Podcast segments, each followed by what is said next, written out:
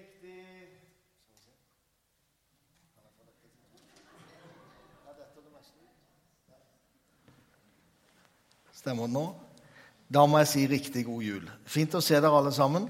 Fint å se dere fra Salem her. Det var hyggelig at dere ville ta turen helt ut til Randesund.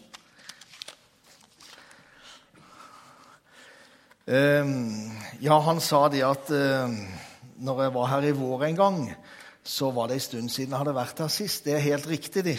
For jeg talte på julaften i Randesund misjonskirke i 1988. Og så gikk det 27 år til neste gang de inviterte tilbake. Og Da gjorde jeg et lite nummer av at Jan Olav Andreassen, hvor mange har du, år har du vært pastor her uten å invitere meg? Gode kollegaer, gode venn, så hadde vi litt moro. Men vi har jo så god tone at vi tåler det. Eh, men nå var jeg nesten litt medskyldig i det, for ideen kom opp. Og så sier jeg hva, Jarl, om vi feirer litt sammen? Randesund og Salem. Det er jo sant. Og så ble det sånn. Eh, og så skal jeg dele noen tanker det er et par-tre ganger du forbereder det. Kanskje er det flere, men det er noen ganger du forbereder det, så lurer du på om det blir noen preken av dette her. Men jeg har en tema, en tanke, så jeg forsøker, og så blir det som det blir. Og så kan dere fra Randesund bare gå hjem og tenke ja, ja. De har det ikke greiere enn som så der nede i Salem. Og så kan dere gå inn og klikke der på salem.as, og så tror jeg dere kan høre deres egen pastor Jarle Råmendal, som talte glitrende på første juledag. Han er podkasta der så langt det er rett. så har dere da en julepreken i vente, i det minste. Er ikke det greit? Eh, vi skal be til Gud for eh, en spesiell Det kom en melding inn til meg, og eh, jeg kjenner ikke henne personlig. Noen av dere gjør det, men eh, nå må du hjelpe meg, Ester Ringøen, søster til Åse Gunn i Ruth Kari. Hun fikk hjerneblødning for et par år siden og har vært kritisk ganske syk. Og i går eh, så var det et nytt fall eh, som gjorde det veldig alvorlig. Hun rett inn, og ennå er situasjonen uoversiktlig. Men jeg har sagt at vi skal be til Gud, spesielt for Ruth Kari, og be om Guds nærvær. Guds legedom, og så skal vi be om Guds omsorg for familien. Kan ikke du, Henning Øverland og Wilhelm Langemyr, ta med de spesielt i bønn?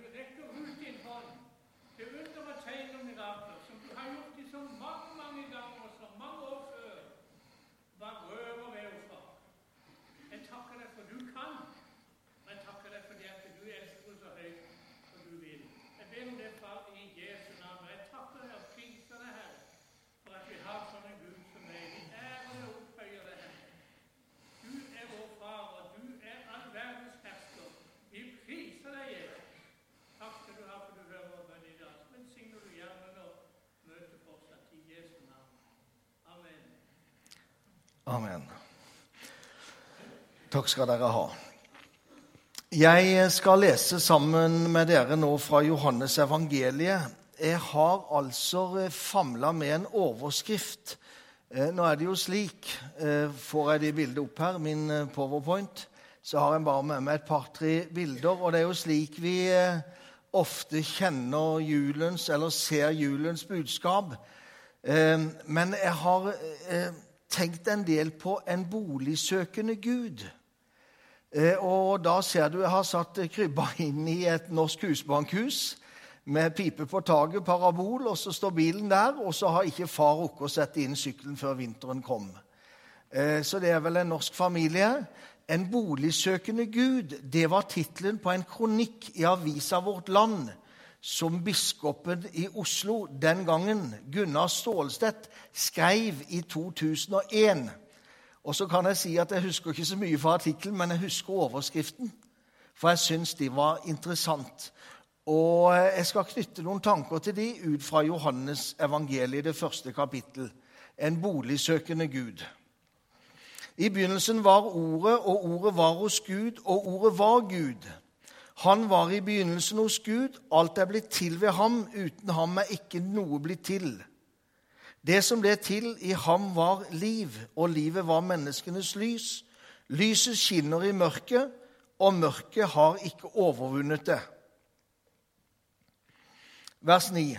Det sanne lys som lyser for hvert menneske, kom nå til verden. Han var i verden, og verden er blitt til ved ham, men verden kjente ham ikke. Han kom til sitt eget, og hans egne tok ikke imot ham. Men alle som tok imot ham, dem ga han rett til å bli Guds barn, de som tror på hans navn. Det er ikke født av kjøtt og blod, ikke av menneskers vilje, ikke av manns vilje, men av Gud. Og ordet ble menneske og tok bolig iblant oss, og vi så hans herlighet. En herlighet som den enbårne sønn har fra sin far, full av nåde og sannhet. Amen. En boligsøkende Gud. Dere har kanskje ikke lagt merke til det, men juleavisene de inneholder ingen boligannonser. Det er ingen kjøpere til boliger i julehelgen. Likevel så er det sånn at i vårt land er det mange som kjenner seg hjemløse, både i sine hjem og for andre det som er mangel på hjem. Og jeg vet ikke hva som er det verste, ærlig talt. Men juleevangeliet og julebudskapet handler om en Gud som søker bolig iblant oss mennesker. Ordet ble menneske og tok bolig iblant oss og vi så hans herlighet. For oss er det en helt fremmed tanke. Eller enda mer i datiden, når Jesus ble født, at han som en gang hadde skapt universet Det står alt er skapt ved ham og til ham. Han stiger ned, og så blir han født inn i vår verden. Vi er veldig privilegert i jula i storfamilien som er en del av. Jeg skulle kanskje ha presentert meg sjøl, men mine svigerforeldre går jo i kirka her. Også min svoger og svigerinne. Og når Øverlandsklanen nå samles, så er vi 19 stykker. Og da har jeg lagt ut en selfie på Facebook. Og for dere som ikke har trukket likes ennå, så får dere skynde dere hjem etter gudstjenesten og gjøre det. Men her er vi samla i stua. Og hvis du ser akkurat i dette øyeblikket som den selfien tar, så er det meg som holder den lille i hendene. Og min yngste niese er på gudstjeneste i Randesund og heter Sara. Hun er to måneder, født 21. oktober, og hun er bare snill. Og vi var 16 voksne der, selv om det er veldig gøy med en fireåring i romjula. Så er det noe eget med en nyfødt barn. Så vi 16 vi delte på henne to kvelder til rad, vi. Så det ble noen minutter på hver. Men kan vi forestille oss at den Gud som en gang skapte Grand Canyon, Niagara Falls, hadde flydd over Atlanteren, og hvor enn du ser av dette universets storhet, for ikke å snakke om hele universet Den Gud gjør seg så liten og så hjelpeløs som dette lille barnet.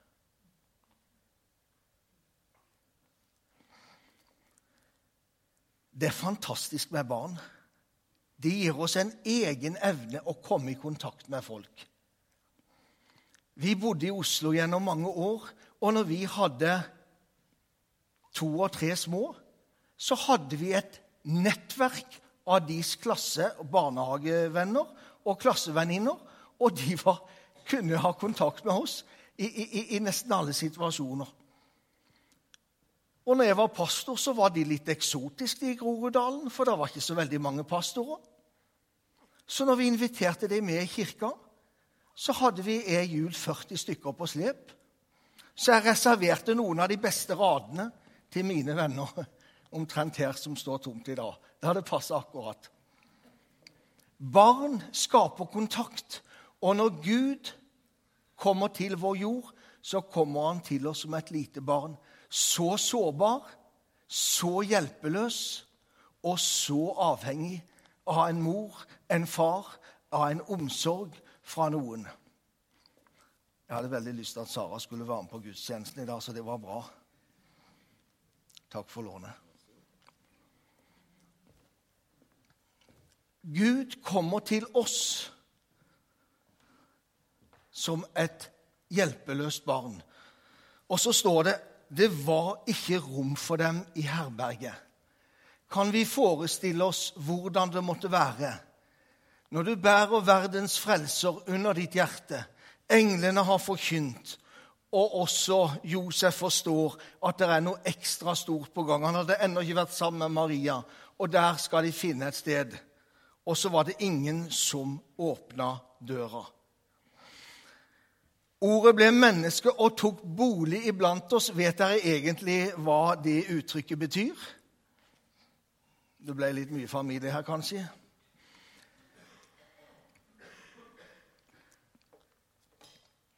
Det betyr at Gud slo opp sitt telt iblant oss. Noen av dere har vært i Israel.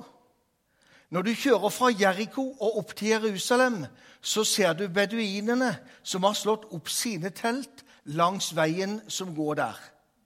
De har gjort seg sjøl synlig. Og inn i vår verden så gjør Gud seg synlig ved å slå opp sitt telt. Eller egentlig slå opp sitt tabernakle. Og for, og for israelsfolket som vandrer gjennom ørkenen, så var dette at tabernaklet det vitna om at Gud var til stede også i deres hverdag.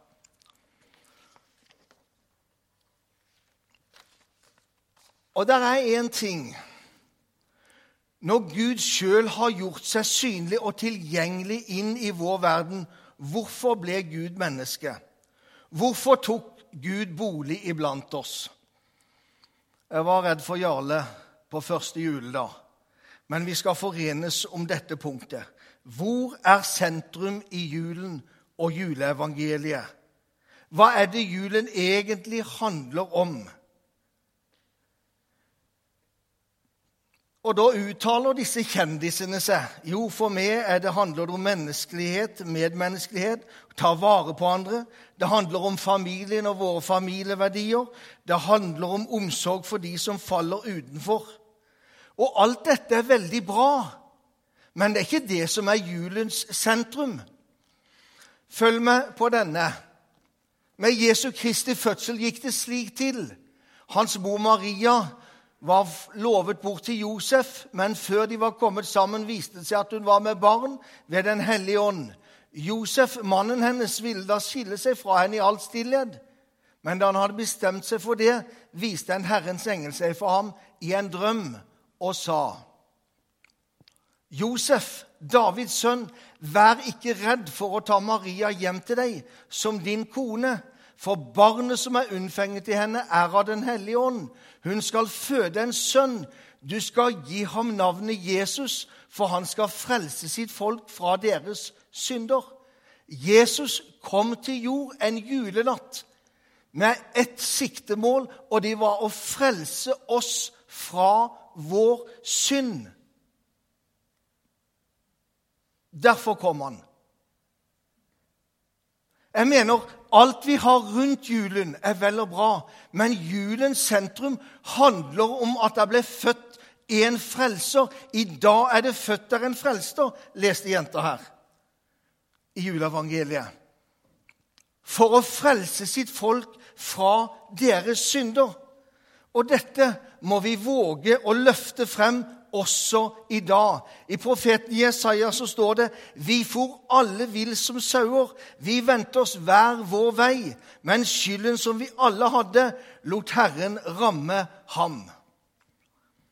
Jeg hadde lyst til å spille den egentlig på nettet. Men eh,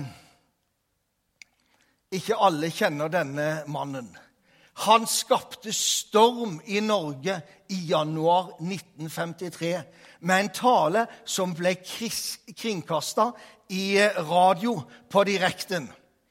Han var professor på Menighetsfakultetet, eh, og eh, jeg leste på nettet det hele startet i januar 1953, da svovelpredikanten Ole Hallesby i en radiotale klargjorde helvetes pinsler for uomvendte mennesker. Hva sa Ole Hallesby?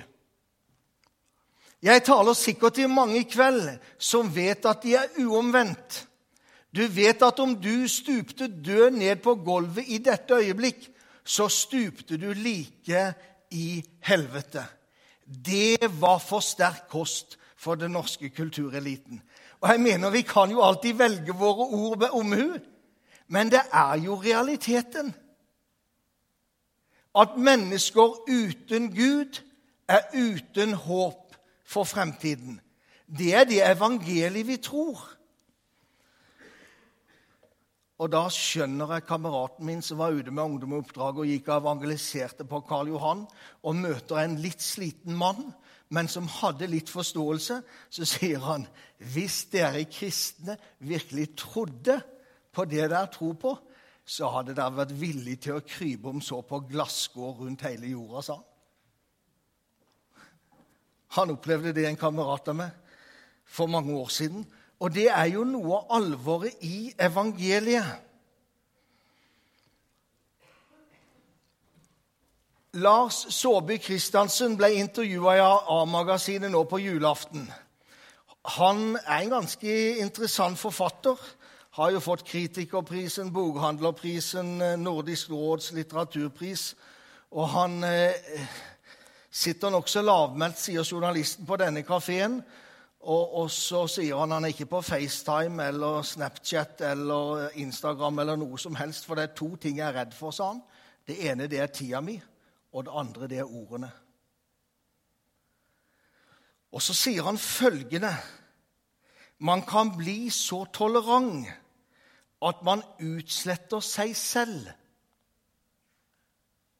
Smak på den setningen. Vi skal formidle evangeliet om Jesus. Vi skal prøve å finne et felles ståsted som jeg skal komme inn på, med de vi deler evangeliet med, dette budskapet.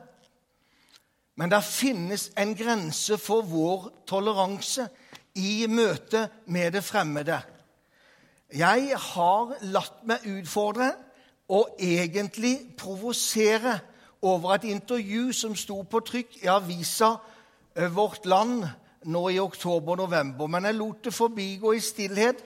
Men når jeg så førstesida på Morgenbladet nå i uka før jul, så tenkte jeg jeg tar det med meg. Veien mot islam.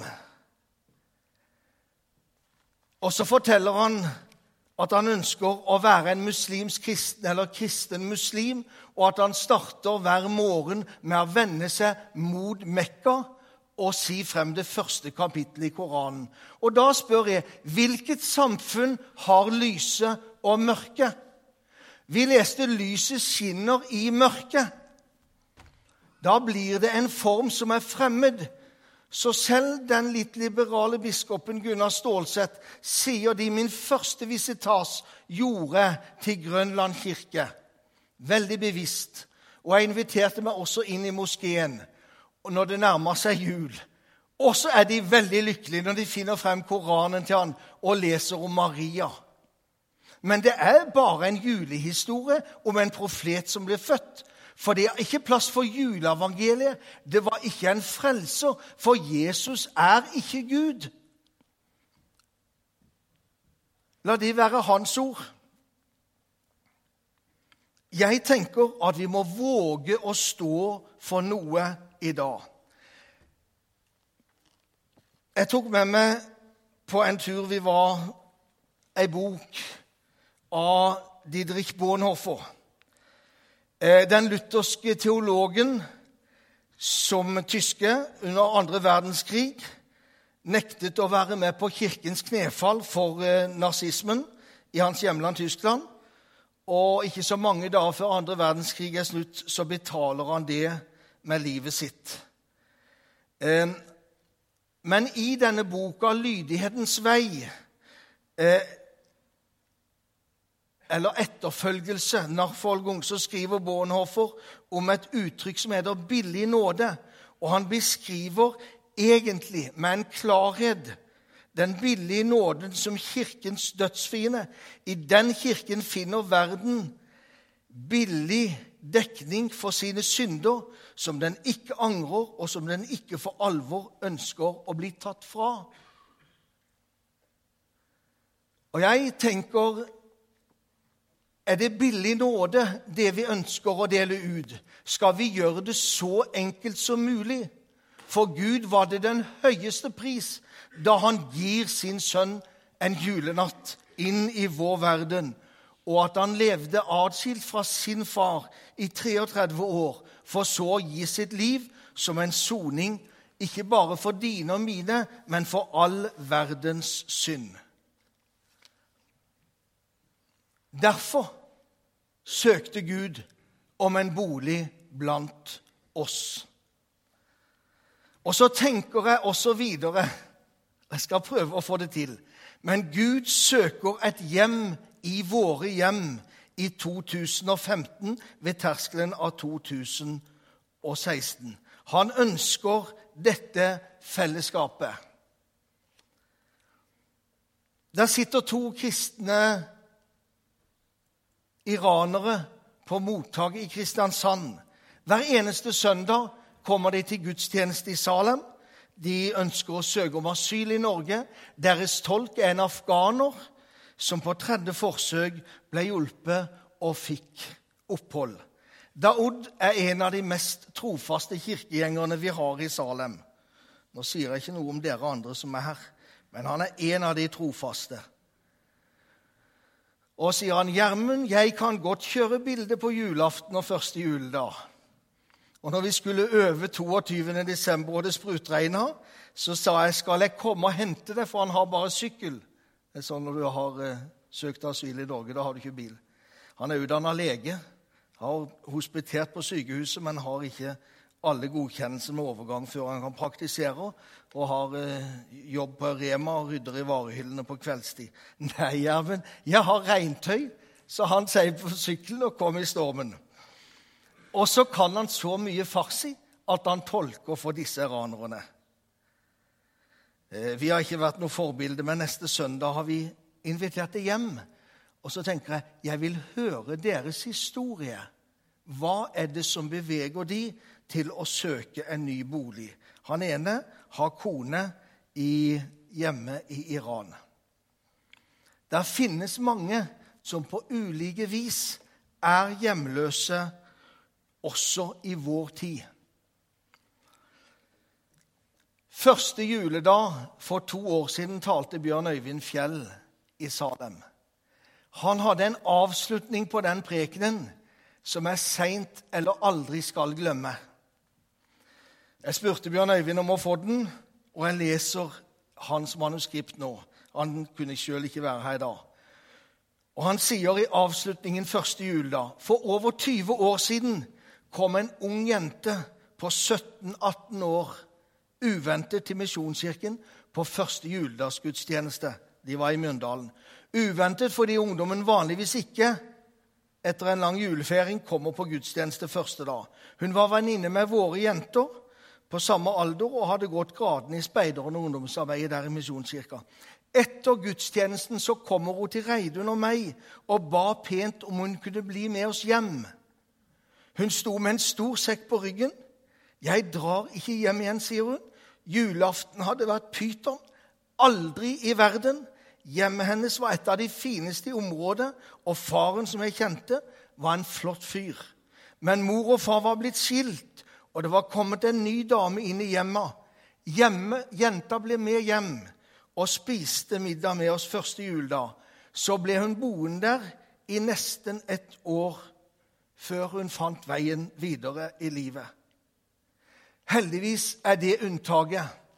Men jeg tenker også hvor mye unntak er det? Denne karen er nå 53 år. Han ble kjent i hele Norge i 1991 gjennom Per Øyvind Herhaldstveit. Pål André Grinerud er det de kalte et løvetannbarn. Ti år gammel så dør hans far, og hennes, hans mor takler ikke sorgen. Men de neste seks åra drikker hun uavbrutt omtrent. Han blir både husmor og mor og far i huset. Han mister barndommen, og han skrev en kronikk nå i Aftenposten hvor han forteller om barndommens drøm en julekveld. Bare én julekveld hvor mamma var edru. Men han fikk det aldri, og hun drakk seg i hjel og døde altså ca noen og 50 år gammel når han var 16. Da var han i realiteten alene hjemme i verden. Vi inviterte han til Fevik til Misjonskirka nå i september. Og Jeg hadde en ganske lang samtale med han under stjernedryss der. Og så poster jeg på Facebook at han kommer. Da faller to brikker på plass. Fra Vestlandet kommer en lukka melding fra Monica. Hun var ungdom for 20 år siden i Misjonskirka i Oslo. Og vi forsto kanskje kunne være noe. Men jeg tenker, hvorfor åpna vi aldri mer?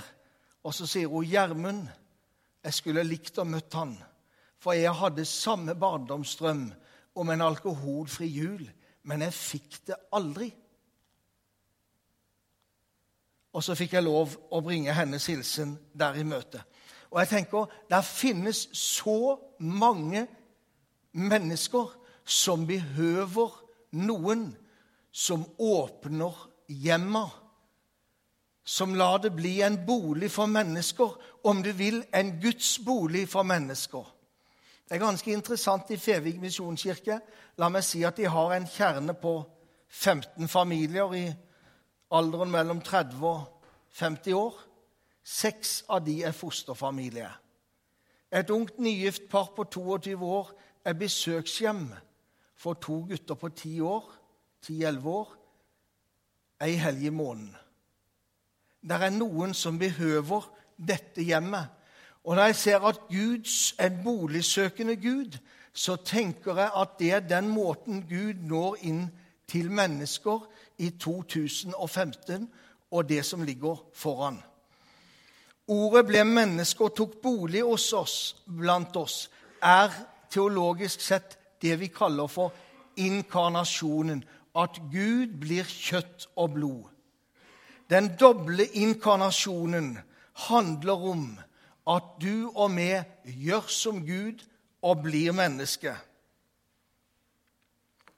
Jeg er redd for Nå er jeg gjestetaler Lars. Nå er det ikke sikkert jeg blir invitert tilbake. Jeg er redd for at mange av oss i dag har så mye og så mange ting at vi ikke kan være det en boligsøkende Gud ønsker vi skulle være for våre mennesker. I fjor sommer solgte vi hytta etter 20 år. Det hadde vært vårt drømmested, og vi hadde gode dager. Men vet du hva for noe? Det har blitt lagt beslag på så mange timer av mitt liv gjennom to tiår at om jeg hadde frigjort noe av den tida for å være inkarnasjonen, Gud i kjøtt og blod, for de menneskene rundt oss, så tror jeg verden ville ha sett annerledes ut i min nærhet. Vi lever i en tid hvor vi som kristne på mange vis blir besteborgerlige. Vi er opptatt med så mange ting. Jeg skal ikke utfordre Randesund misjonskirke eller Salem til å selge alle fritidseiendommen og legge det i det nye kirkebygget der borte. Det er Jarles oppgave. Men jeg vil tenke denne juledagen Jeg vil be dere alle denne juledagen tenke gjennom hvordan forvalter vi all den rikdom og velstand vi er besittelse av i dag? Hva blir det for andre der utenfor?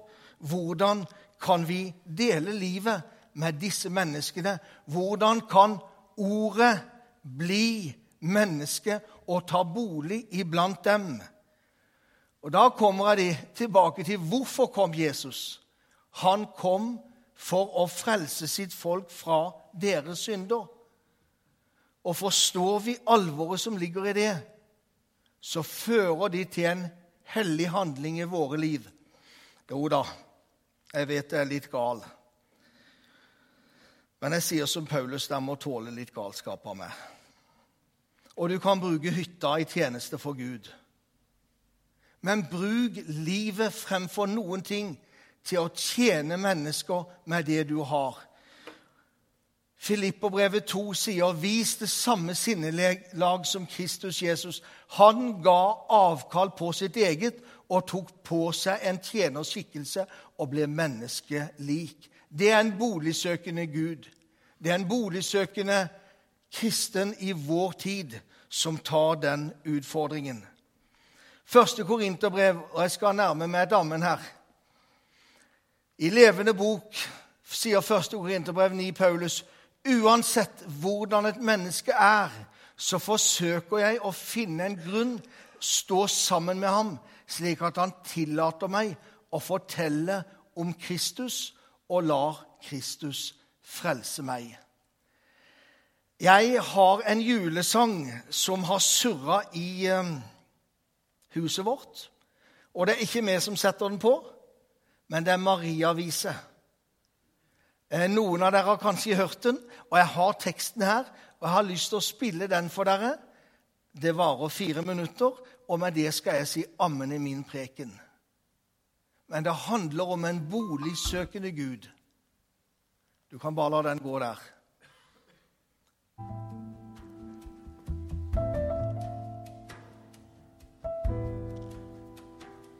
Legg barnet